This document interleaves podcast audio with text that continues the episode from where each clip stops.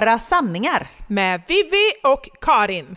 Vi kan ju börja med att säga att den här podden kanske kommer skilja sig lite från våra tidigare avsnitt. Eller vad säger du? Ja, det känns som det. Men samtidigt så, så har vi ju ganska svårt att förutspå var vi kommer att hamna. Så att eh, som ja. vanligt, det kan bli lite hur som helst. Och för en gång skulle kommer vi vara ganska aktuella. Ja, men du, det är första gången. Ja, samtidigt som det släpps ju en vecka efter det har hänt, så jag vet inte om vi är så jävla aktuella längre. Men, eh, Precis. Ja. Och när man snackar nyheter, då är, det ju så här, då är man ju sen om man är så tre timmar efter. Så att jo, vi får ja. säga att vi nog är, är Nej, nog vi inte aktuella. aktuella. Nej. Nej, så är det. Men eh, vilka jävla dagar. Vi spelar in det här på en onsdag. Eh, och i måndags hände ju eh, den här fruktansvärda terrorattacken mot svenskar i Bryssel. Och jag hamnade ju... Jag ska inte säga att jag hamnade mitt i allting, för jag var ju inte där de sköts. Men jag och hela min familj var ju på fotbollsmatchen Sverige-Belgien. Och Karin, du ska få dra allting, men jag måste bara säga att det var... Alltså, så här. Jag fick ett sms av vår producent jag ligger och kollar på Love is blind. Eh, allt är som mm. vanligt. Det gjorde du rätt i. Ja, men det, det, jag gör alltid rätt när jag kollar på Love is blind. Dock ja. så är jag ju inte med. Så när jag får ett sms från vår producent Anna, där det står “Jag är så orolig för Karin, har du hört någonting?” Alltså då stannar mitt hjärta. Du vet den känslan Oj. när man bara känner så här att ja. det bara snurrar. Alltså jag, för jag vet ju inte ens vad det handlar om. Jag har ingen aning vad det handlar om, men jag bara känner att självklart då att nu är det riktig kris. Så jag bara så här, det första jag bara skriver till henne, vadå, vad är det som har hänt? Och hon svarar lite snabbt om eh, att det har skett en skjutning i Bryssel och jag eh, ringer dig. Jag ringer med en gång, så jag ringer dig och kommer direkt till telefonsvararen. Och bara den mm. känslan, du vet, den... Då tror man ju alltid det värsta. Ja. Nu får du fortsätta. Jo, men vi var ju som sagt på matchen och jag kan bara... Eh, ska jag dra allting kanske? Ja, men dra allting så får jag ställa frågor och så, så ser vi vad det bär. I födelsedagspresent nu eh, 3 oktober så fick Max biljetter till den här fotbollsmatchen. För han älskar fotboll, har aldrig varit på någon stor match. Så vi var så här, Sverige möter Belgien i Belgien tro tusan att vi måste gå dit. Ja. Så han har ju varit så peppad för det här, vi har varit så peppade för det här. Matchen börjar liksom kvart i nio, så vi bara, det är supersent, men skitsamma. Och vi pratade med hans lärare och de var så här, men gud det är klart att ni ska gå på matchen, skitsamma om de är lite trötta dagen efter, det är det värt. Mm. Liksom. Man bara, kanon. Så vi hade fått tummen upp av alla. Vi åker till ett ställe där alla svenska supportrar ska mötas. För vi hade köpt biljetterna via Svenska fotbollsförbundet så vi ska liksom sitta i svenska klacken. Mm. Och då eh, åker vi dit och vi tänker sen när vi parkerar, vi bara, vi behöver kanske inte stoltsera med att vi är svenskar direkt, för det var liksom, det är bara belgare på stan. Mm. Så vi liksom knäppte våra jackor och hade våra tröjor under och sen så när vi väl kom då till den här eh, till det här brasseriet där svenskarna möttes, då liksom stoltserade vi med våra tröjor och vi kände bara fan vad gött det är att vara svensk. Man tog av sig och var liksom superstolt där. Och det var hejaramsor och vi käkade och Niklas tog en öl och det var liksom, det började prata med folk och folk som hade rest. Ja, men, de flesta har ju rest från Sverige mm. för att titta på den här matchen och de följer liksom landslaget vart de än ska. Och vi träffade ett, en äldre man som eh, Eh, han åkte liksom runt världen över för att titta på, eller stötta Sverige. Och det kan vara i innebandy eller i fotboll mm. eller någonting. Och så hade han liksom pins på hela sin keps med Han ser det som sin livsuppgift att eh, ja, stötta Sverige? Ja, lite så. Uh -huh. Ja. Du la ju upp på din Instagram eh, från ja. det här. Så det var väl det också som skapade jättemycket oro kring eh, för Precis. oss här hemma. Just att alla visste ju, eller alla, men vi som följer det, visste ju att du var på matchen och att du hade Sverige-tröja på dig, eller att ni i familjen hade det. Exakt, exakt. För sen går vi ju då från den här puben ungefär tio minuter till eh, stadion och då går vi liksom 300 svenskar, vi sjunger, det är trummor, det är banderoller, det är flaggor, du vet allting. Så går vi den här samlade truppen till arenan. Och när vi gick in så tänkte jag till och med på att det var väldigt bra säkerhet. Alla fick liksom scanna sina biljetter var och en eh, för sig och sen så blev verkligen alla muddrade. Även barnen blev liksom ordentligt genomsökta. Jag tänkte till och med på det, jag bara, men gud vad bra, det är bra säkerhet. Liksom. Mm. Vi går in, eh, sätter oss, tar våra platser, jättebra platser, nära mål, så här, nära planen. Så ringer min mamma mig, mm. lite lätt hysteriskt. Vad är ni? Mm. Jag bara, vi är på matchen och snart kör vi, woho! Jag kan inte mm. prata just nu. Hon bara, vet inte vad som har hänt? Jag bara, vadå? Hon bara, det har skett en skjutning och svenskar har dött och... Mm. Uh, var bara helt så här Jag bara, mm. okej. Okay. Jag bara, var någonstans? Hon bara, i Mallenbäck eller något sånt där hette det. Jag bara, men det är långt härifrån, ta det lugnt. Och jag tittade runt på staden. Jag bara, här är allting lugnt. Uh, här, här ser allting jättesäkert ut. Och när det varit ett hot mot oss, då hade man märkt det här. Liksom. Mm. Så ta det lugnt, så här började lugna ner henne. Och då bara hon så här, lägger på luren i örat på mig typ, för hon var så stressad. Jag bara, okej. Okay. Mm. Eh, sen nu i efterhand förstår jag ju att hon var ju livrädd eh, och så blev väl sur att jag blev så lugn och inte reagerade lika hysteriskt. Mm. Eh, men jag tror inte riktigt att jag förstod allvaret. Och så vill man ju inte, jag menar vi är där med en sjuåring och en tioåring, man vill inte börja skrämma upp dem. Nej, eh, så jag och Niklas, du vet så här, prata lite bakom ryggen. Jag bara, det har hänt någonting. Sen han bara, mm, jag såg det. Eh, och då hade han fått en flash på sin telefon. Och sen mm. dog Niklas telefon för han hade inga mm. batterier. Mm. Och jag hade inget internet. Och, du vet, man, och barnen bara så här, vadå? För de hör ju allt. Alltså små Såklart. kastruller, stora öron. stora lock? Nej. Det vad är det man säger? Ja, men Små, ja. små kastruller skramlar mest. Men det har ju inte med det att göra. Så Nej, det har inte med det att göra. Ja, skitsamma. Ni ja. fattar vad jag menar. Barn, de hör allt. Eller allt så, som man inte eh, vill att de ska höra. Allt man vill att de ska exakt. höra. Ja, de ju typ maten är klar har de ju aldrig hört, efter, inte förrän efter 40 gånger.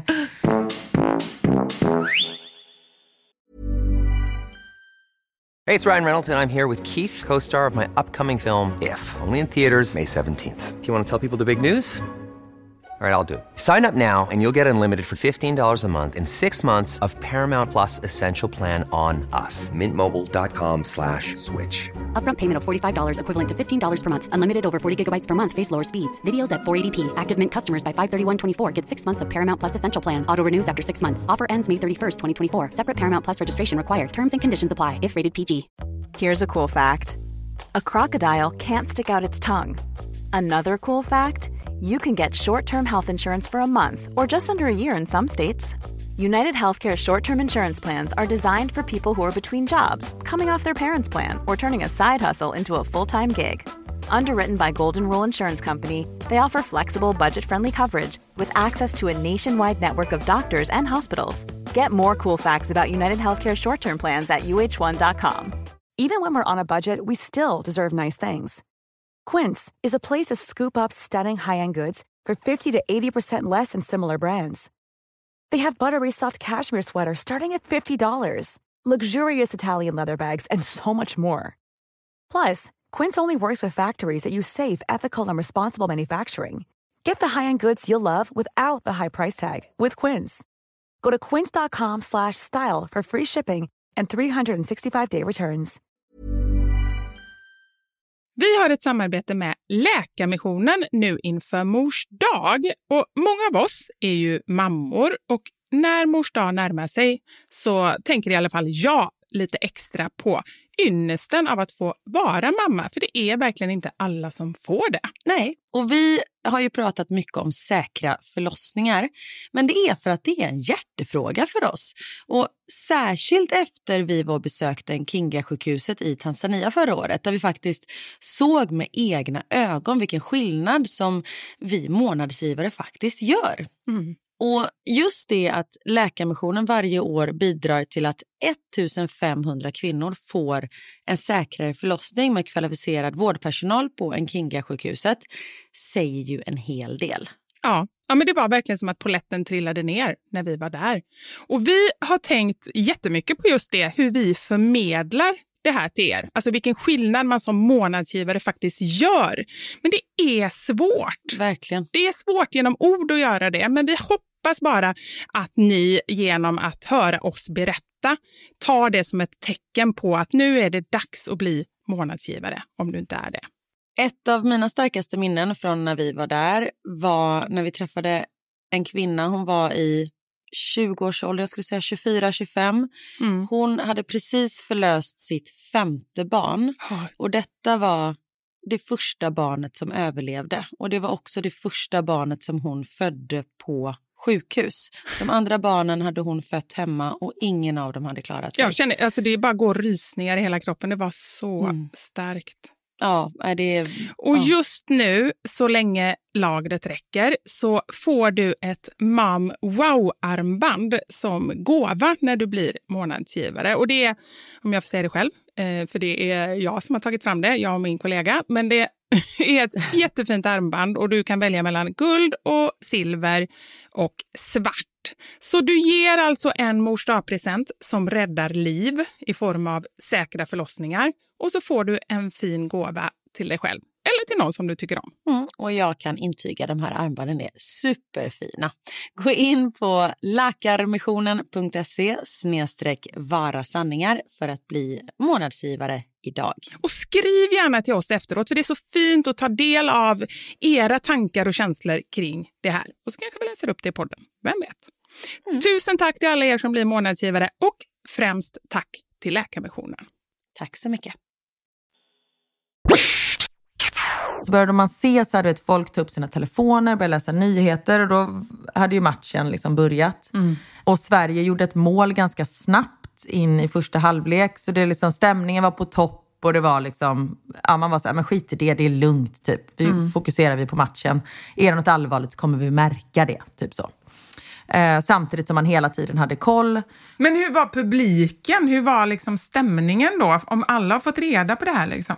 Ja, men stämningen var god. Mm. Eh, alltså folk fokuserade på matchen, men man märkte ändå att det var, folk pratade och folk tittade ner i sina telefoner. Och det var ju också därför som inte vi hade någon mottagning, för alla höll på med sina telefoner. Ah, Okej, okay, jag fattar. Mm. Och sen så blir det halvlek och då märker man liksom att det kommer upp lite fler poliser på läktaren. Jag ser någon svensk som kommer från publiken som tar på sig liksom en polisväst. Jag vet inte om han var typ polis i Sverige och sen så kanske de har, det här hittar jag på nu, jag det, låter aning. det låter som att han, eh, ja okej, okay. det låter påhittat men ja. Aha.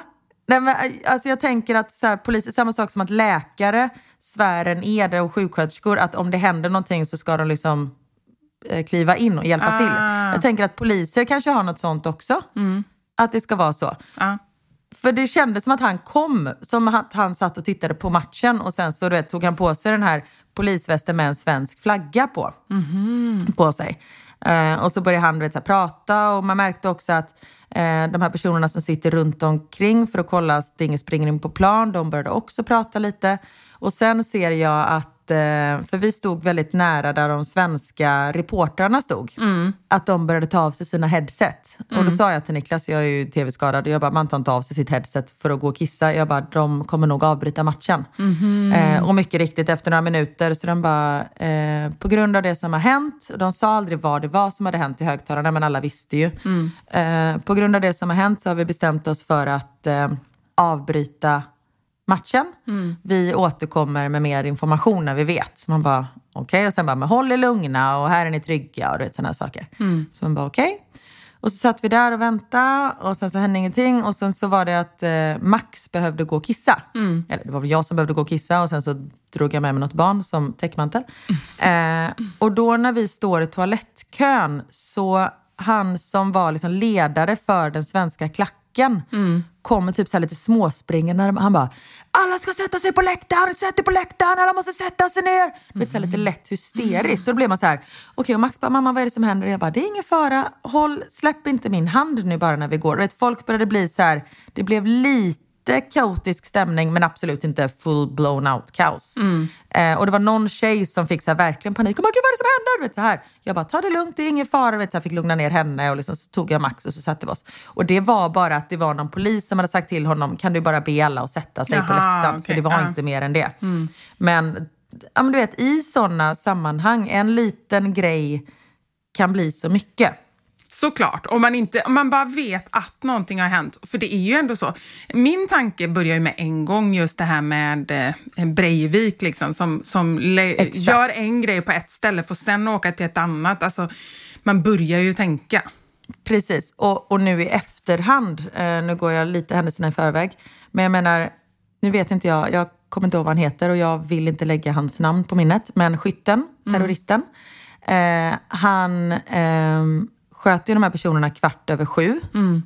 Och sen tog de honom ju, honom ju inte förrän klockan åtta på morgonen. Nej. Så vad han gjorde mm. däremellan, alltså han kan ju mycket väl varit på väg till stadion. Mm. Och sen har jag också hört att anledningen till att de ens körde matchen överhuvudtaget var att de inte ville ha svenskar på stan.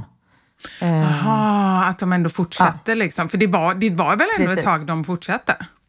Ja, vi körde en halvlek, så de ja. körde 45 minuter och matchen började kvart i nio, så den låg på till halv tio. Ja, just det. Och sen så fick alla sätta sig då eh, och så sa de att eh, alla ska sitta ner, man får inte... För om man gick på toaletten till exempel, då var det liksom, det var inte utanför arenan, men det var så att om man stod utanför arenan så kunde man se, om man säger så. Mm, så om det skulle vara en skytt utanför arenan så hade man kunnat bli träffad. Ah, jag förstår. Eh, så det var därför de ville att alla skulle vara inne på arenan och mm. att man skulle sitta still.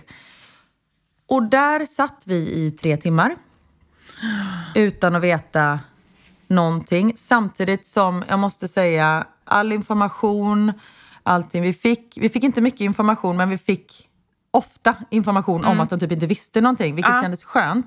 För när det är tyst så är det bara jobbigt. Utan det var så här, vi vet fortfarande ingenting, vi kommer återkomma med information, men sitt där ni sitter, ni är jätteduktiga, ta hand om varandra, ni är fantastiska. Alltså, vet, sådär. Det är ju verkligen en sån grej som jag ofta tänker på i krissituationer. Nu låter det som att jag är i krissituationer hela tiden och peppar peppar, nej. Men när man är orolig, om någonting händer kanske under en flygresa och man känner att det här känns inte riktigt bra. Problemet är ju ofta att man inte får veta någonting. Det är ju säkert ingen Exakt. fara, men om de ändå kunde säga det så här, nu är det lite turbulent, det är ingen fara, sitt ner, ta det lugnt, då blir man ju lugnare. Så det var väl jättebra. Ja, precis. Ja, och de var verkligen så här, här inne är ni säkra, allting är bra. Mm när vi väl satt där, då blev, då blev Max rädd. Han började gråta lite och sådär. Och, då, eh, och sen efter ett tag så fick man börja gå på toaletten efter så 20 minuter. Men det, det, stod liksom poliser precis där, för då hade de ju börjat säkra av området runt omkring. Mm. Och under tiden så började det så cirkulera två stycken polishelikoptrar eh, precis ovanför stadion. Det var drönare som flög runt och då, då började jag också tänka så här, tänk om det blir en jävla drönattack. Alltså du vet, ah. tankarna ja, ja, ja. börjar ju liksom sväva iväg. Så man är såhär, okej, okay, där är en till drönare. Är det en ond eller god drönare? Alltså om man, ja.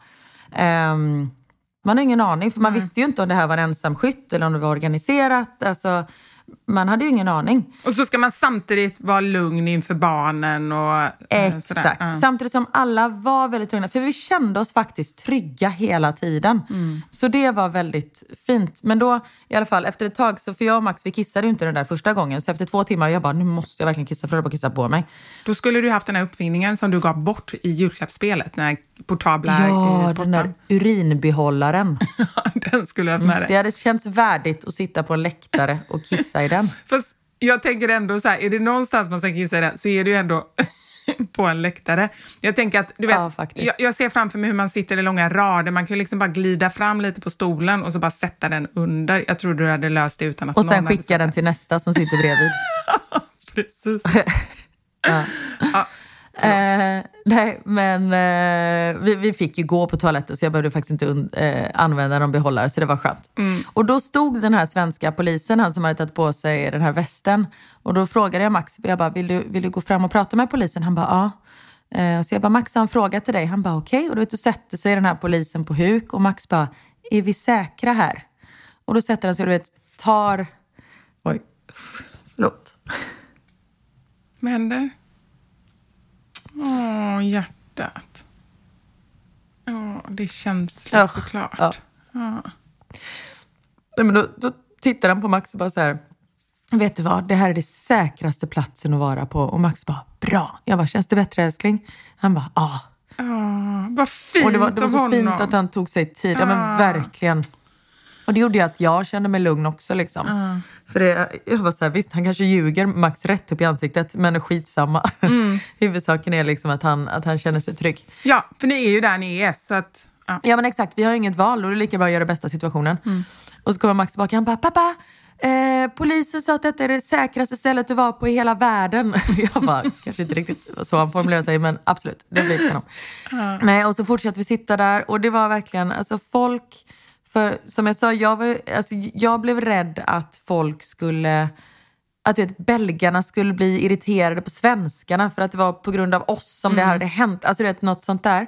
Men alla var så jävla fina. När vi körde så här, Sverige, klapp, klapp, klapp, Sverige. Då var belgarna med. Mm. Eh, man körde vågen, vi körde svenska nationalsången. Alltså det var så här, det blev sån gemenskap samtidigt mm. som det var så lugnt och, och bra. Sen har jag hört i efterhand att eh, några kompisar till oss som är svenskar, men de satt inte med svenska klacken så de satt eh, bland belgarna. Mm. Där, på deras sektion, hade det gått något rykte om att skytten var inne på stadion. Oh. Så de hade liksom låst in sig på damtoaletten och det folk sprang och skrek utanför. Men det hade lugnat ner sig väldigt snabbt. Mm. Men du vet, liksom panik i typ två minuter. Eh, men äh, fy fan, då hade man ju... Nej, usch. Nej. Så något sånt eh, var vi inte med om.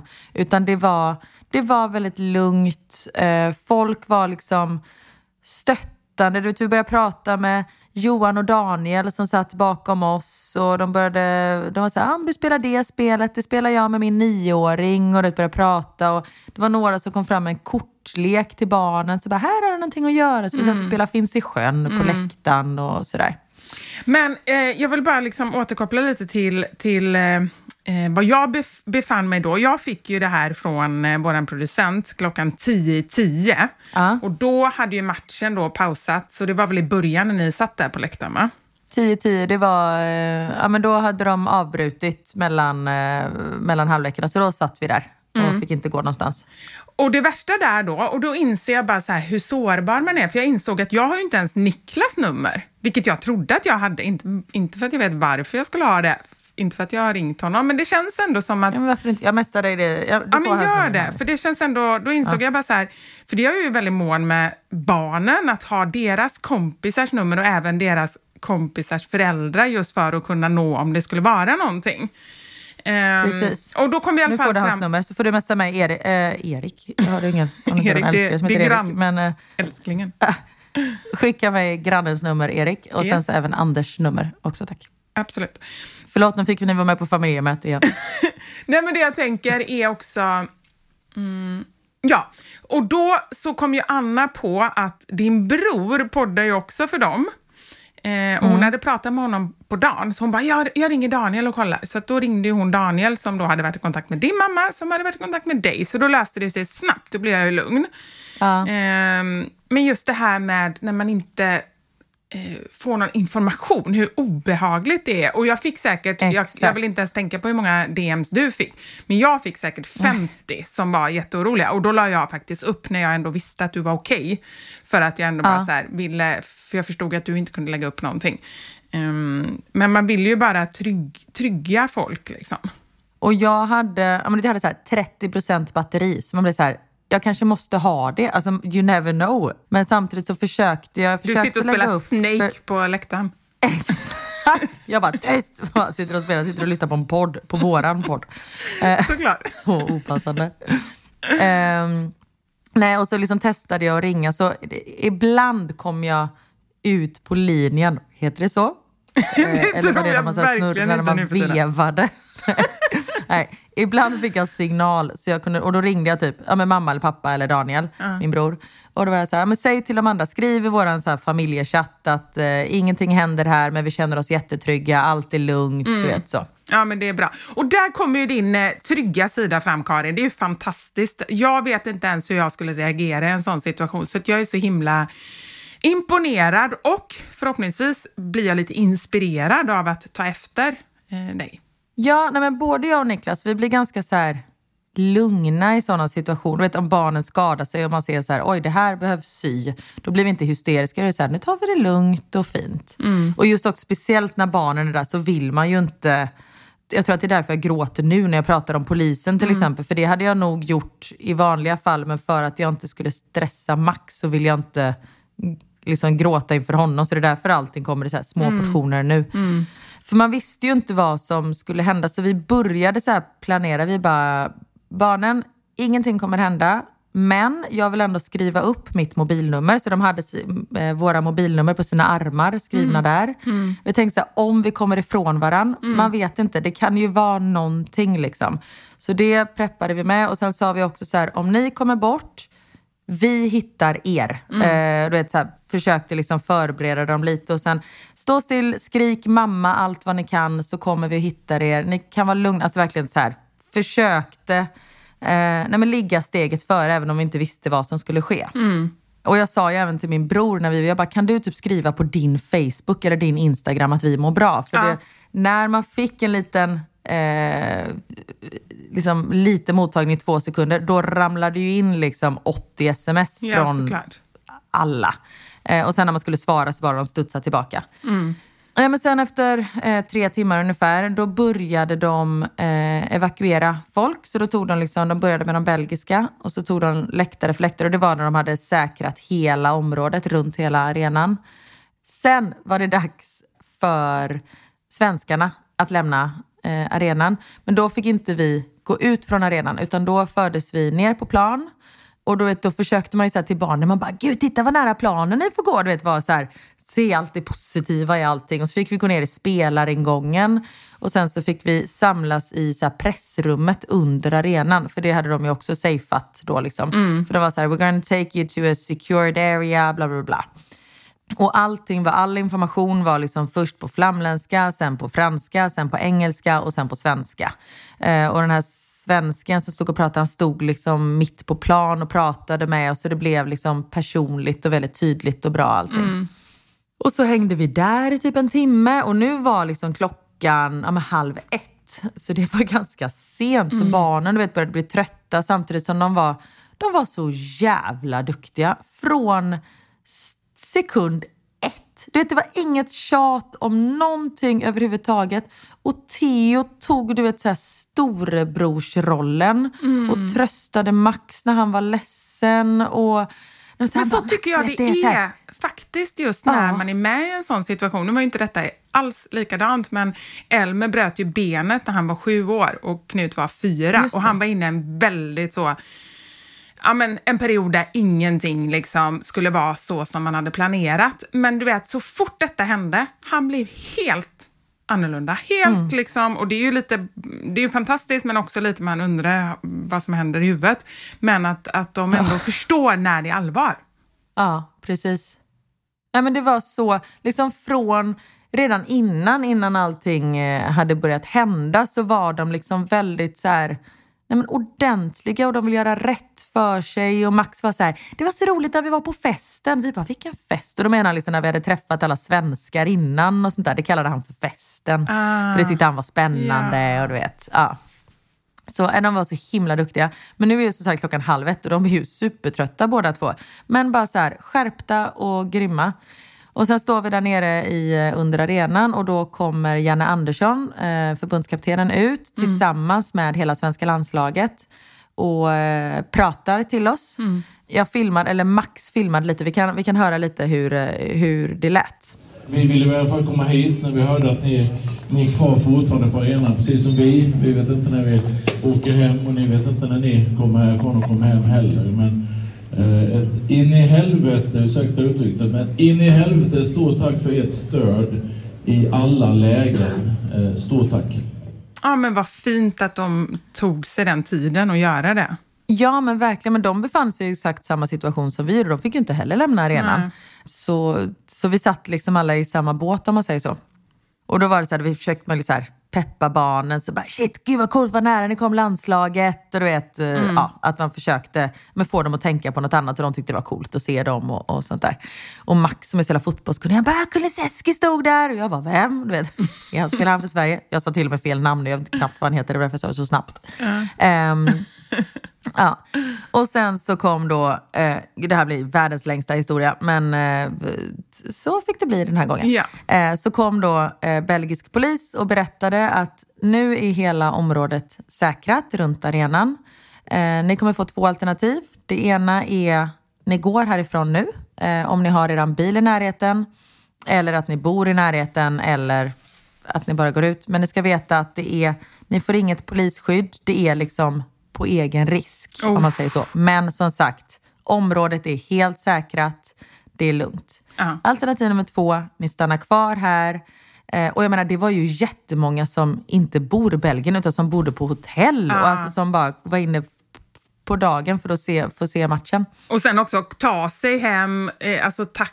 Nej, usch det... Exakt, nej men stan var ju avstängd. Alltså mm. det gick ju ingen trafik, alltså det var ju bara poliser för dem. Alltså hela Bryssel var ju bara fyllt av poliser för de letade efter den här mannen som mm. man inte visste vad han var. Mm. Det enda man visste till största sannolikhet var att han inte var vid arenan för det området hade man ju säkrat. Mm. Men alternativ två, ni stannar kvar här, alla skriver upp sina namn, eh, ni identifierar er, ni säger vart ni ska bo i natt, ni kommer få poliseskort till era hotell och sen så även kommer eh, det finnas polis på hotellen. Vilket känns ju fantastiskt tryggt tycker mm. jag. Men också, jättebra, de är, alltså jag säger inte att man ska hantera det på ett annat sätt, men jag hade ändå tyckt det var jobbigt just det här med att få två val. Alltså jag kan inte ens välja glassmak. och så ska man liksom välja så här, också när det verkligen är så, eh, vi, kan inte ge, vi kan inte garantera någonting. Det är klart de inte kan, men bara det, de orden är obehagliga. Ja, ja det var faktiskt lite så här, vad fan ska vi göra? Eh, och vi hade våran bil på området. Mm. Eh, så den stod ju alltså fem minuter från där vi var. Mm. Så vi gick fram till en polis och bara, är ni 10 000 procent säkra på att området är säkrat? Det är lugnt för vi har två barn här. Vi vill liksom inte, vi, vi stannar hellre här hela natten om det finns minsta lilla risk.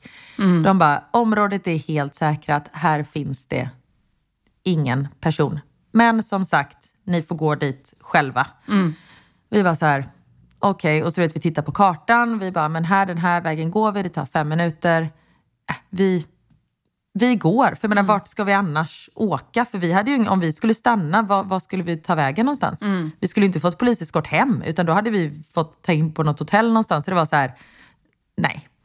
Och nu vid den här tiden, då hade ju vi fått lite mottagning, för då var det ju liksom 20 000 belgare som hade lämnat området. Så, ja, nu man få, eh, så det var nu jag började uppdatera och jag var så här, istället för att svara en person i taget, det var då jag skrev på Instagram. Och det kändes så töntigt att skriva på Instagram, men det var så här, fast det är enda sättet för mig att nå ut ja, till alltså alla som känner mig. ju, det är klart att du måste skriva. Ja, men exakt. Ja.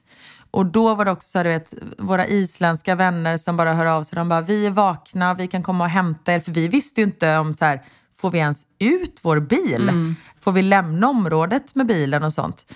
Så de bara, vi kommer att hämta er, säg bara vad vi ska göra. Vi bara, alltså, tack. Det är verkligen så här, när det händer någonting, att folk steppar verkligen upp. Det är fantastiskt. Mm. Men då gick vi fram till den här polisen och så bara, vår bil står här, är det säkert? De bara, ni kommer få lämna området med bilen och det är säkert. Så mm. vi bara så här, okej, okay, vi går. Eh, så vi tog självklart bort, och det sa de till oss också, ta bort allt som har med svenskt att göra. För det var det jag tänkte när du sa 20 000 belgare har lämnat området. Vadå, så länge man tar bort allt som har med Sverige att göra så, så spelar det väl ingen roll vilket land man kommer ifrån, eller? Nej, eh, det, det, tänkte jag också på. Alltså så här, för, för det sa de när, man skulle, när de började evakuera eh, vad heter det, läktarna. Mm. Då sa de alla svenskar som sitter någon annanstans, sitt kvar. Mm. Så får ni gå med de andra svenskarna. Men jag var så här, eller så tar man bara av sig sina grejer och eh, går med belgarna. det kändes faktiskt ja. lite ologiskt. Men ja. säkerhet först. Den evakueringen vet inte jag hur den gick till. Jag vet inte om de fick poliseskort bort heller. Det har inte jag någon aning om. Så det kan jag inte säga någonting om. Men man visste ju att hotet var ju riktat direkt mot svenskar. Mm. Det var väl därför man tog den största säkerhetsåtgärden till oss. Mm. Och jag vet också att många belgare gav svenskar sina tröjor och sånt. Och så liksom folk som inte hade något annat än en mm. Sverigetröja. Mm. Um, så de, ja, alla liksom hjälptes åt. Men så då gömde vi alla Och vet så här, jag hade en, en tygkasse, det hade alla våra så här, ytterkläder. För det var ju ganska kallt så vi hade klätt på oss ganska mycket, vilket mm. var tur. För vi satt ju liksom utomhus i många, många timmar. Och den här tygkassen hade såklart en svensk flagga på sig. Man bara, hur ofta har man en jävla tygkasse med en svensk flagga på? Ja. Aldrig, Nej. förutom den här dagen. Och, och Max hade blåa byxor så då tog liksom T av sig sina byxor för han hade långkalsonger under och delade med sig av dem. Och det var liksom inget så här, inte ett frågetecken. De var bara så här, ta mina byxor, puff! Och de bara tog av sig framför alla. Och man bara, alltså ni är så fina barn. Mm. Och jag satte den här eh, tygkassen under jackan så det såg ut som jag var höggravid. Men jag tänkte att det kanske bara är bra. och sen tänker jag också, vad roligt, alltså bara förra podden då sydde du svenska kläder ja, av IKEA-kassar. Exakt! Och det är det som är så absurt. Mm. Nej, men det är det som är så absurt allt det här. Liksom, några dagar innan och även bara några timmar innan det här hände så hade man haft på sig den här svenska tröjan och burit den med stolthet. Och några dagar innan hade jag liksom sytt en, en kjol av en IKEA-kasse för att jag verkligen ville äh, vara så svensk som möjligt. Och nu innebär det en risk för livet mm. att man visar att man är svensk. Mm. Det är så jävla hemskt. Hej, it's Danny Pellegrino from Everything Iconic. Ready to upgrade your style game without blowing your budget? Check out Quince. They've got all the good stuff, shirts and polos, activewear and fine leather goods, all at 50 to 80% less than other high-end brands. And the best part? They're all about safe, ethical, and responsible manufacturing. Get that luxury vibe without the luxury price tag. Hit up quince.com slash upgrade for free shipping and 365 day returns on your next order. That's quince.com slash upgrade. Hiring for your small business? If you're not looking for professionals on LinkedIn, you're looking in the wrong place. That's like looking for your car keys in a fish tank. LinkedIn helps you hire professionals you can't find anywhere else, even those who aren't actively searching for a new job but might be open to the perfect role. In a given month, over 70% of LinkedIn users don't even visit other leading job sites. So start looking in the right place. With LinkedIn, you can hire professionals like a professional. Post your free job on linkedin.com slash people today. Even when we're on a budget, we still deserve nice things. Quince is a place to scoop up stunning high-end goods for 50 to 80% less than similar brands. They have buttery soft cashmere sweaters starting at $50, luxurious Italian leather bags, and so much more. Plus, Quince only works with factories that use safe, ethical, and responsible manufacturing. Get the high-end goods you'll love without the high price tag with Quince. Go to quince.com/style for free shipping and 365-day returns. Vi har ett betalt samarbete med Lexus som nu har tagit fram bilar efter personligheter. För våra bilar är ju några av de personliga ägodelar som de flesta av oss spenderar väldigt mycket tid i. Och jag är så glad över det här samarbetet för Lexus, det är ju ett av mina favoritbilmärken. Jag visste faktiskt det, för du har pratat om det mer än en gång kan jag säga. Jajamensan. Och jag spenderar ju väldigt mycket tid i min bil. För det första tycker jag väldigt mycket om att köra bil, men jag sitter ofta med barnen i bilen. Då är jag i den som liksom skjutsar runt dem till olika aktiviteter och sånt där. Och jag älskar att sova i bilen. Alltså det finns inget ställe som jag somnar så gott Inte när du i. kör förhoppningsvis. Ja, då kan jag ju säga att jag inte kör då. Nej, precis. Och det finns ju en trend där man visar upp det som man har i sin handväska. Så här, what's in my handbag. Mm. Men det man har med sig i sin bil, det är ju lika viktigt Verkligen. egentligen. Och det är ju också en del av ens personlighet. Så Lexus, de har krokat arm med podden Dumma människor där psykologen Björn Hedensjö och Lina Thomsgård ska avslöja vad det vi har i våra bilar faktiskt säger om just våra personligheter. Så jag tänker att Karin, du får börja berätta. Vad har du i din bil? Okej, vi har en bil i vår familj och hade det inte varit så att jag och min make delade bil så tror jag att det här hade sett lite olika ut. För Niklas är väldigt ordentlig och liksom går och hans om han fick välja hur han skulle spendera sin söndag skulle det vara på biltvätten för han älskar att liksom ta hand om vår bil. Jag är inte riktigt lika ordentlig men eh, i och med att vi delar bil så det som jag alltid har med mig i bilen nu det är en flaska vatten. Jag har med mig mobilladdare och tuggummi. Och även ibland så kan mm. jag ha med mig hela min sminknäsisär om det är så att jag ligger steget efter så det hinner jag liksom kasta på mig lite smink innan jag springer in på mötet när jag sitter på parkeringen och så. Men oftast är det vattenflaska, mobilladdare och tuggummi. Du då? Det låter som att du är ganska samlad. Jag blir inte så förvånad över ditt innehåll. Nej, men som sagt, det skulle nog se annorlunda ut om jag hade en egen bil. Okej. Okay. Jag har alltid med mig de tre. Oj. Kaffe, kudde och choklad. Nej. Jag fick inte till det riktigt där i slutet, men jag tyckte att det passade bra ändå. Ja. Nej men så här, när jag åker, nu pratar vi om lite längre resor, typ när vi ska åka till landet. Då har jag alltid en termosmugg med kaffe. Jättestarkt kaffe, för det är det enda jag dricker. Sen har jag en stor chokladkaka och eh, när det inte är sommar så funkar det bättre än när det är sommar om man säger så. Annars får jag så klippa en liten del på kanten och typ suga i med choklad, chokladen. Och sen så kudden. När jag då har ätit upp allt det här, ätit och druckit, då tar jag fram kudden och sen så sover jag ända tills jag är framme. Där har vi min bil. Det låter ju magiskt. Lexus nya självladdande elhybrid Lexus LBX som är deras minsta SUV hittills så kan du välja mellan fyra olika atmosfärer beroende på din personlighet. Det finns Elegant, Relax, Emotion och Cool. Jag tänker så här, choklad, kaffe och kudde Eh, om jag ska göra en egen liten hobbyanalys så ska du nog ha relax. ja, ja, men det låter rimligt. Jag ska i alla fall inte ha cool. Det, det känner jag. Jag tycker det ska bli superintressant att höra vad podden Dumma människor säger när de gör sin lilla analys av oss. För eh, de är ju experter på mänskligt beteende. Spännande. Avsnittet där dumma människor analyserar vårt innehåll i våra bilar finns att lyssna på nu och det finns där poddar finns.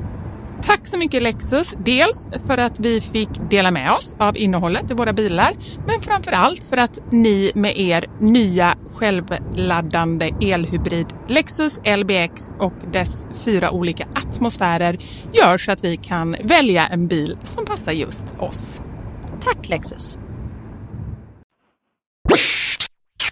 Nu har ju du varit i liksom epicentrum, eller åtminstone väldigt nära, någonting fruktansvärt. Och jag bara tänker på var vi befinner oss i världen ja. just nu. Alltså det är så, det är så hemskt så att det är liksom, jag vet inte mm. ens vad man ska säga. Jag tycker att jag har inte ofta svårt att finna ord, men jag vet verkligen inte hur, vad jag ska säga om allt det här. Det är bara så fruktansvärt. Ja. Jag bröt ihop idag när jag lämnade barnen på skolan. För igår eh, var de hemma. Mm. Var skolorna stängda då eller? Nej, eh, europeiska skolor inne i Bryssel var stängda. Mm. Våran var inte stängd. Eh, men de hade eh, ökad säkerhet. Mm. Och idag när jag lämnar barnen, du vet, jag möts av tungt beväpnad polis mm. utanför barnens skola. Och jag var så här, fy fan. Och det är väl jättebra att det är så. Mm. Men vilken jävla bajsvärld. Alltså vad händer mm. när liksom barnens skola som ska vara en trygg plats, när de, när de möts av den här liksom, vet, poliser med k-pistar som mm. står utanför skolan. Och det känns bara så jävla sjukt. Jag bara så här, är det okej okay, barnen? De bara, ja då, du vet, så här, hoppar in där, hoppsasteg typ. Ska bli mm. kul att träffa sina kompisar. Och att jag kommer hem och bara, jag börjar gråta så mycket. Mm. Jag bara, fy fan! Mm. Och just att man vet också att det är personligt. Det är riktat mot oss. Mm. Och det var en sak, när vi gick till bilen så det var ju massa polisbilar och sånt där överallt. Men vissa sträckor var liksom, även om det var 20 meter så var det ju inga människor där och då började man ju gå liksom och tänka så här, fan där kanske det är en person som ligger i busken, där kan det vara någon. Mm. Um, ja, så jag bara, vi pratar engelska med varandra. Så jag bara, det är bara onödigt att prata svenska. Mm. Så då gick vi och pratade engelska med varandra till bilen. Men bara det gör ju att det är väldigt tydligt att, att ni känner er hotade och osäkra och rädda. Ja men exakt. Ja. Nej, och sen så satte vi oss i bilen och då bara, ah, du vet vad det usch, så här, man kunde verkligen andas ut. Och sen var vi väl hemma vid ja, men kvart över två, halv tre någon gång. Mm. Eh, och barnen, vet, vi sov alla i samma säng och bara låg och kramades typ hela natten för det var så här, äh, shit. Kollar ni igenom hela huset? Nej, det gjorde jag faktiskt inte. Men det är skönt. Jag kände bara att det är väldigt skönt att vi inte bor i Bryssel. Ja. Eh, att vi bor utanför Bryssel och, och här är det liksom lugnt. Mm. Men vet, och så var det också en sån tanke, jag bara, tänk om vi blir kvar på den här arenan hela natten. Vi har en hund som är hemma. Du vet, han var ju hemma i flera, flera timmar själv. Mm. Sen var det kväll så det var, det var lugnt. Jag hade varit ute på lång promenad med dem innan och var så här, men då får han kissa inne, det är väl inte mer med det. Mm. Men så var det så här, tänk om vi inte får, alltså att vi hamnar på hotell eller någonting. Och då, då börjar man planera för det. Jag bara, då får Valdimar, vår isländska kompis, komma och så krossar han rutan i källan och går igenom källargången. Börjar så här planera. Niklas mm. bara, vi kan ta det snart. Jag bara. Ja, precis. Man behöver inte. Men ibland ja. behöver hjärnan, eller så är min hjärna i alla fall, behöver fokusera på någonting liksom konkret, en lösning. När det är för mm. jobbiga grejer runt omkring som inte man kan göra någonting åt, så behöver jag ha en mm. plan. Då känns det lite bättre, även om det är så här ologiskt eller kanske inte ens möjligt ibland. Nej, precis. Och det som är med hela den här händelsen, alltså jag har fått så mycket meddelanden. För det första på Instagram och folk som har hört av sig som liksom inte har pratat med på flera år. Så tusen tack för att ni eh, visar er eh, omtanke och, och, har, varit, liksom, har varit oroliga och sånt där. Så tusen tack för det.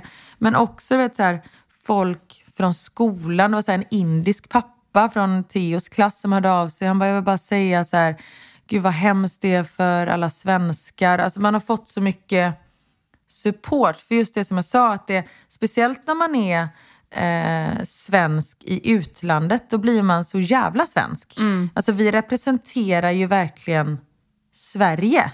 Är man i Sverige, då är ju mm. alla svenskar. Ja. Men här är man ju verkligen, ja, ah, det är ni som är svenskarna. Det blir så fruktansvärt personligt. För det var ju, han ville ju komma åt svenskar och vi är en av dem. Det var inte bara att han sköt random människor. Mm. Det har jag inte ens tänkt på förrän du säger det nu. Att det är ju en annan sak för er där mm. än vad det är för oss här hemma.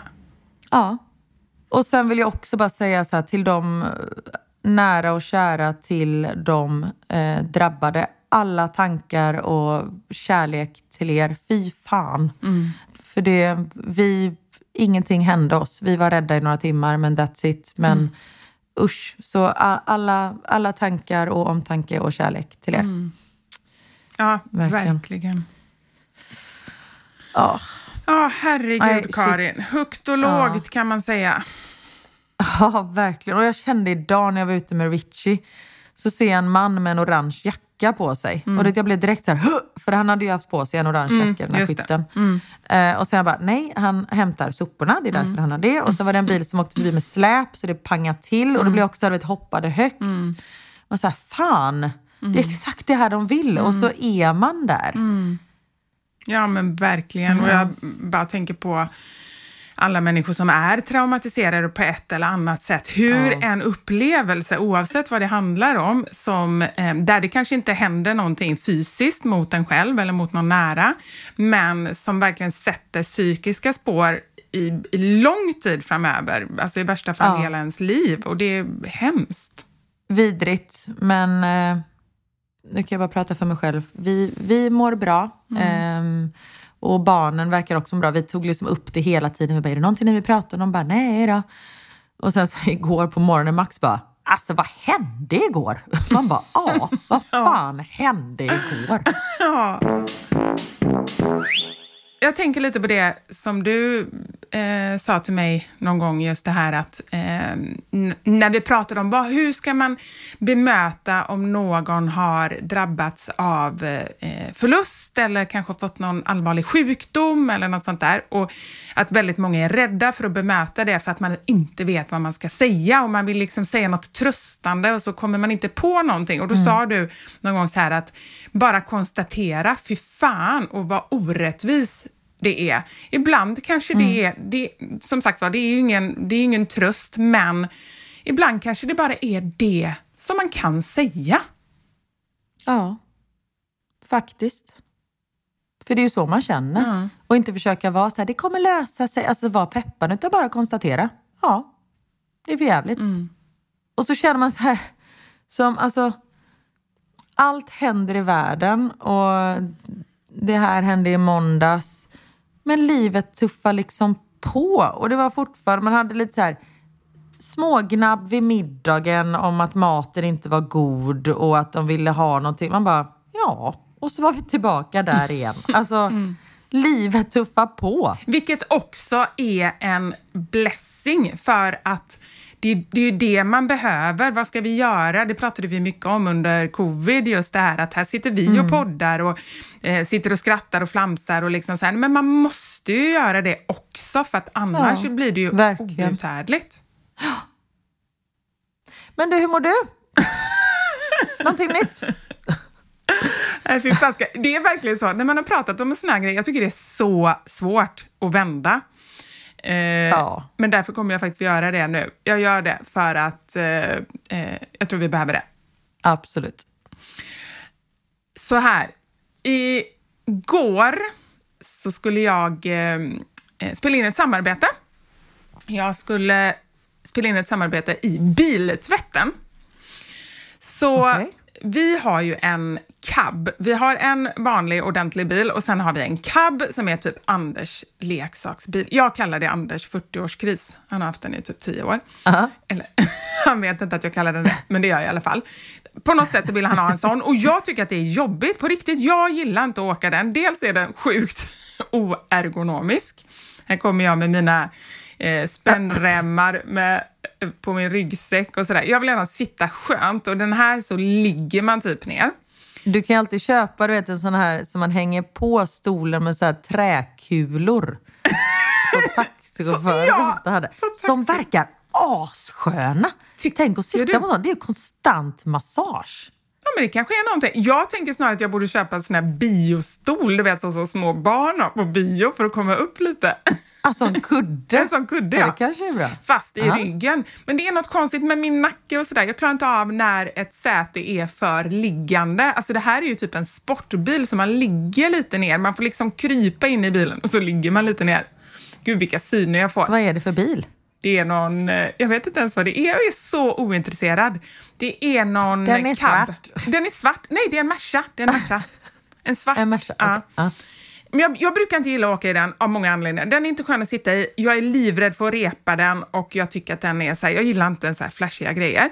Jag kan absolut tycka det är skönt när Anders kör på sommaren och åka nerkabbat. Absolut. Men i övrigt nej. Och jag känner inte att jag vill ha den egentligen i ett samarbete för att det känns som att man ska flasha och jag tycker inte ens att det är flashigt. Skitsamma. Nu hade vi den bilen i alla fall och Anders sa så här, Du har en enda grej att tänka på. Det är att eh, du måste skruva av antennen innan ni kör in i biltvätten. Jag bara, men hallå, vem ah. tror du jag är? En grej, det är klart jag kommer komma ihåg det. Uh-oh. Klipp till biltvätten.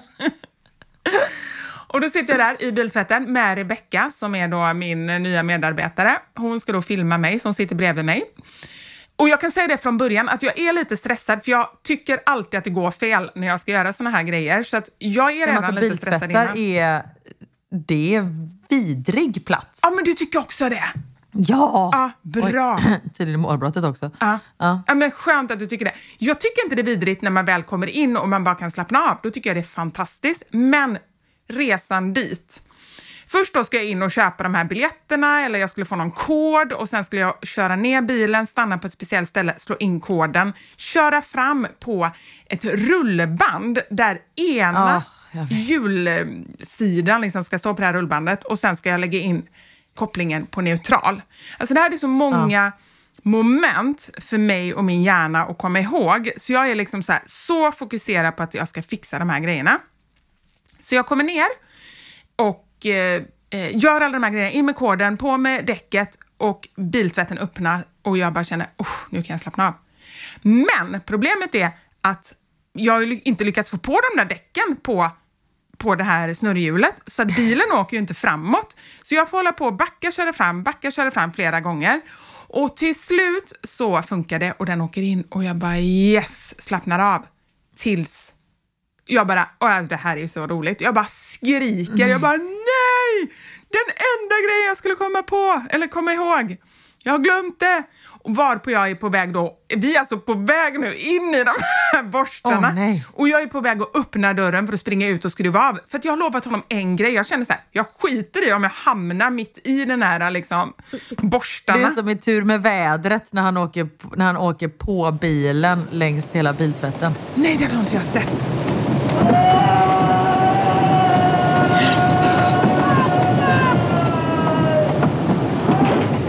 överlever man? Alltså jag fick ju lite flashbacks att man kanske inte ens överlever en sån grej.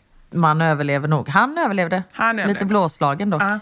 Ja. Eh, varpå Rebecka sliter i mig och säger nej, du får inte springa ut. Det finns drulleförsäkring. Och jag sitter där kvar inne i bilen och bara nej, nej, nej, nej, nej. Och samtidigt ska vi filma och hon är så fokuserad på filmningen. Så nu får du ta det lugnt, nu måste vi få den här filmen. Så slappna av, andas, filma, tagning tystnad, tagning. och jag bara sitter där och bara hyperventilerar och tänker att nu kommer liksom, jag vet ju inte vad det här kostar, det här är ju en svindyr bil. Jag tänker mig att då mm. måste ju antennen och vad den nu har för funktion. är det radion eller? Kanske. eller är det något mer? Jag har ingen aning. Nej, du vet inte heller. Och jag, jag tänker också så här, du hade ju kunnat glömt att sätta på taket. Att det har åkt in nerkabbat. Jag tänker bara, det hade kunnat gå värre. Det hade kunnat vara nu vet jag inte slutet på den här berättelsen, men det känns som det. Äh, fy fasiken. Ja, det hade det kunnat. Men i alla fall, vi mm. åker igenom och jag börjar liksom så här, nästan googla Trygg-Hansa och försäkringar. eh, men då blir det, alltså det här är ju fantastiskt. När vi kommer igenom så inser jag, för Anders sa det så här, Den kommer ryka, antennen kommer ryka så inser jag, Oj. antennen sitter kvar. Så jag blir lite hoppfull. Bra. Varpå vi inser att det beror ju på att eftersom inte vi fick på det här däcket så missade vi halva biltvätten. Så vi missade just de där borstarna som skulle gå på taket. Ah. Så allting gick bra i slutändan. På grund av ditt värdelösa bilkörande så räddade du bilen. Så ifrån att det att jag höll på att ställa till det åt helsike, så har jag nu, nu är jag en hjälte i mina egna ögon. Att jag ändå liksom lyckades med bedriften att faktiskt klara en antenn som Anders sa. Det kommer aldrig ske att den sitter kvar efter en biltvätt.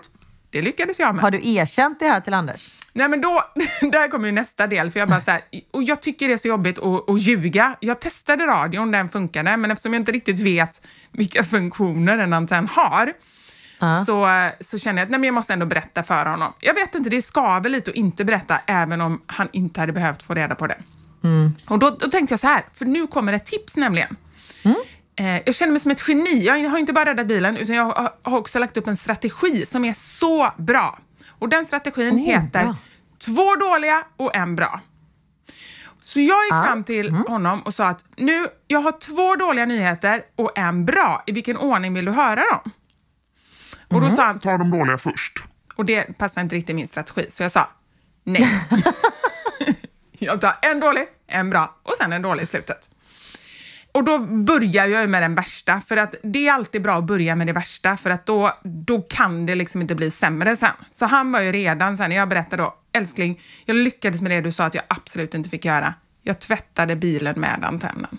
Och, och då såg jag ju på honom och bara... Fan också, inte en enda grej klarade du av. Eller det var min tolkning i alla fall av hans ja. uttryck. Men, och så berättade jag det här då med att eh, den ändå lyckades klara sig. Och jag såg mm. hur han lös upp och jag såg hur han fick ny energi och blev glad. Mm. Men sen hade jag en dålig nyhet till. Men det tänker jag att mm. den är bättre ändå att, att presentera i slutet med tanke på att nu har jag precis berättat någonting väldigt, väldigt bra, så nu är han verkligen på topp. Men Bilen mm. är fortfarande lika smutsig. Han hade ju bett mig tvätta bilen också. Men det blev ju inte tvättat, den blev ju bara lite vispad och lite sköljd liksom. Uh. Så, eh, så den drog jag i slutet. Men jag kände ändå att liksom det sättet att lägga upp en sån här confession på var väldigt lyckad. Ett annat tips är att börja med så här. Jag mår bra och det är det absolut viktigaste. men om man inte tycker Ingen det. kom till skada. Ah. Nej, det är man tycker bilen är viktigare. Det är det jag men känner. att man lägger något sånt i ah. början. Ja, men i och för sig, det är faktiskt också bra. Att, eh, så att man får personen att förstå de riktiga värdena i livet. Ja, men blev filmningen bra sen då?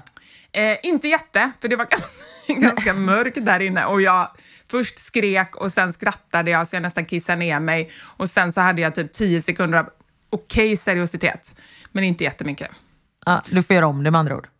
Nej, jag köper den. Jag tänker så här också, om den där antennen är så jävla viktig, varför tog inte Anders bort den själv då innan? Exakt! Bra tanke! Den har jag inte tänkt ännu, men jag skriver genast ner den så jag ja. kan presentera den så här i efterhand. Han får fan skylla sig själv. Idiot! Han kan dra åt helvete. Det är så egentligen jag skulle lagt upp också erkännandet. Ja. Att börja skälla, med honom, skälla på honom. Ja.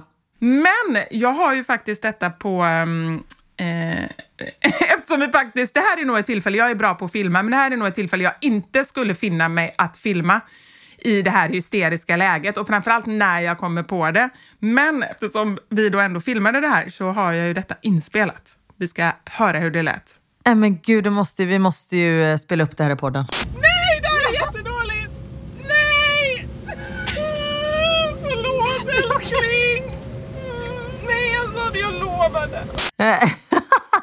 ah, herregud alltså. Åh, oh, gud. Ja, men skönt att, att du mår bra, för det är det viktigaste. Ja. Och att antennen klarar sig. Precis. Så att jag tänker slutet gott, allting gott.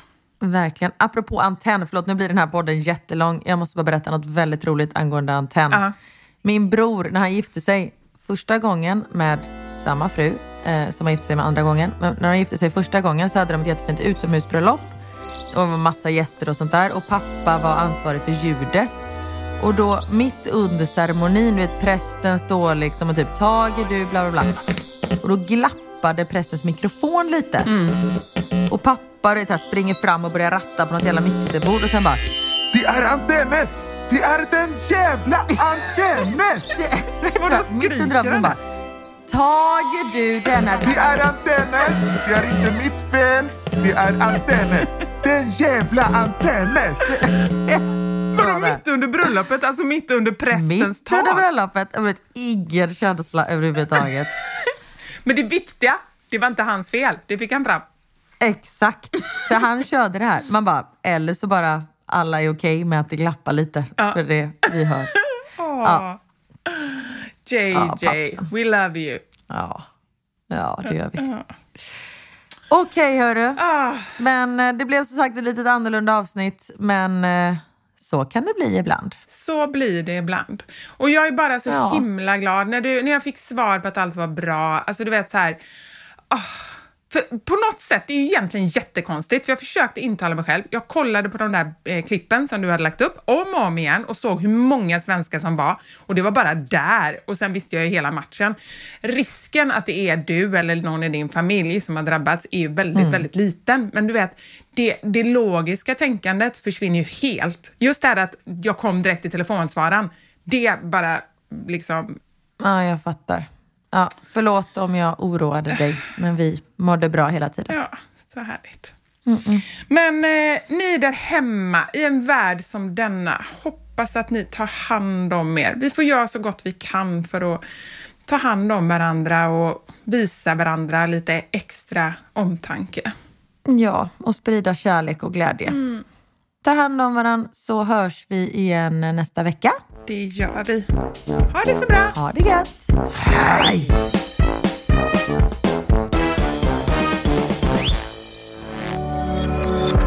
Thank you for listening to this Polpo original. You've been amazing.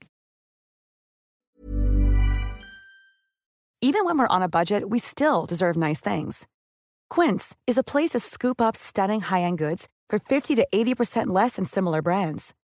They have buttery soft cashmere sweaters starting at $50, luxurious Italian leather bags, and so much more. Plus, Quince only works with factories that use safe, ethical, and responsible manufacturing. Get the high-end goods you'll love without the high price tag with Quince. Go to quince.com/style for free shipping and 365-day returns. Hi, I'm Daniel, founder of Pretty Litter. Cats and cat owners deserve better than any old-fashioned litter. That's why I teamed up with scientists and veterinarians to create Pretty Litter. Its innovative crystal formula has superior odor control and weighs up to 80% less than clay litter. Pretty Litter even monitors health by changing colors to help detect early signs of potential illness. It's the world's smartest kitty litter. Go to prettylitter.com and use code ACAST for 20% off your first order and a free cat toy. Terms and conditions apply. See site for details. Imagine the softest sheets you've ever felt. Now imagine them getting even softer over time. That's what you'll feel with Bowl and Branch's organic cotton sheets. In a recent customer survey, 96% replied that Bowl and Branch sheets get softer with every wash. Start getting your best night's sleep in these sheets that get softer and softer for years to come. Try their sheets with a 30-night guarantee. Plus, get 15% off your first order at bowlandbranch.com. Code BUTTERY. Exclusions apply. See site for details.